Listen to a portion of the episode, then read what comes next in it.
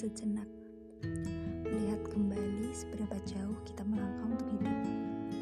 Kepikiran aja, pengen jadi seseorang yang hebat, seseorang yang paling bisa dibanggakan, seorang yang sempurna. Meskipun bangsa itu jauh dari kata sempurna, tapi catat aja dulu. Mulai untuk jangan suka mengeluh, jangan terlalu lemah dan suka mengadu pada orang lain semua viewers itu. Jangan terlalu cengeng pada kecewa yang nyatanya tak ada usaha. Jangan hanya suka berharap tanpa pantas diharap. Jangan deh, sekali lagi jangan. Kita tuh hebat, kita kuat, mampu melukis tawa di atas luka. Air mata yang jatuh bukan berarti lemah ya, tapi semua itu karena ketulusan hati.